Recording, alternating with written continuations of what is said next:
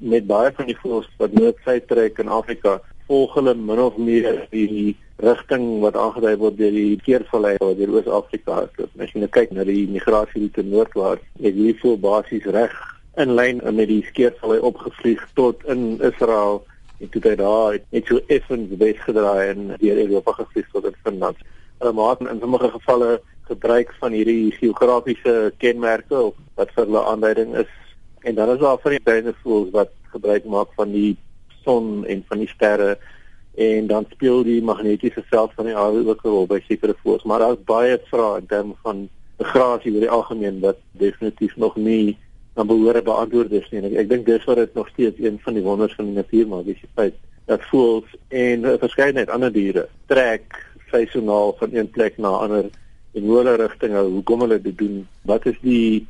sneller meganisme wat vir die voël se reg is nou hier en ek moet nou besluit om te skuif na die volgende punt toe. Wat veroorsaak dit? En daar sal baie navorsing doen daaroor, maar ek dink nie daar is een eenvoudige antwoord daarvoor. Watter bedreigings het hierdie voëls op hulle pad? Daar's 'n verskeidenheid. Hierdie voëls vlieg reg oor Afrika en in vorm die wespedief word baie maklik aangesien vir 'n groterige arend omrede hy sulke groot vlerke het, met 'n vlerkspan van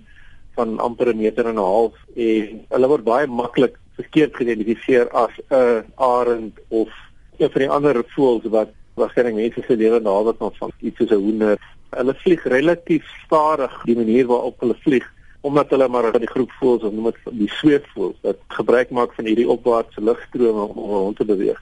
en hulle is relatief kwesbaar vir mense wat op die voël skiet. Die gebruik van gifdoders en, en chemikalieë om sekere insekte en opgewasse te bestry kan impak hê op hierdie voëls. Hulle vreet hoofsaaklik in die geval van die wespedief insekte en 'n baie groot deel van hulle dieet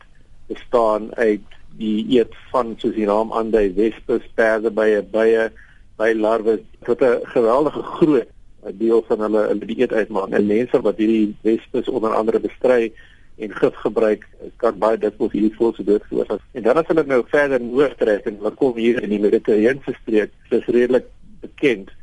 dat in die Mediterrane streek, as jy die lande in Noord-Afrika aan die kus en dan ook in die suide van Europa en dan in die Midde-Ooste, Libanon en in besonder Sirië wat berig is daarvoor dat mense gedurende hierdie trekseisoen aan hierdie voëls deur hierdie areas beweeg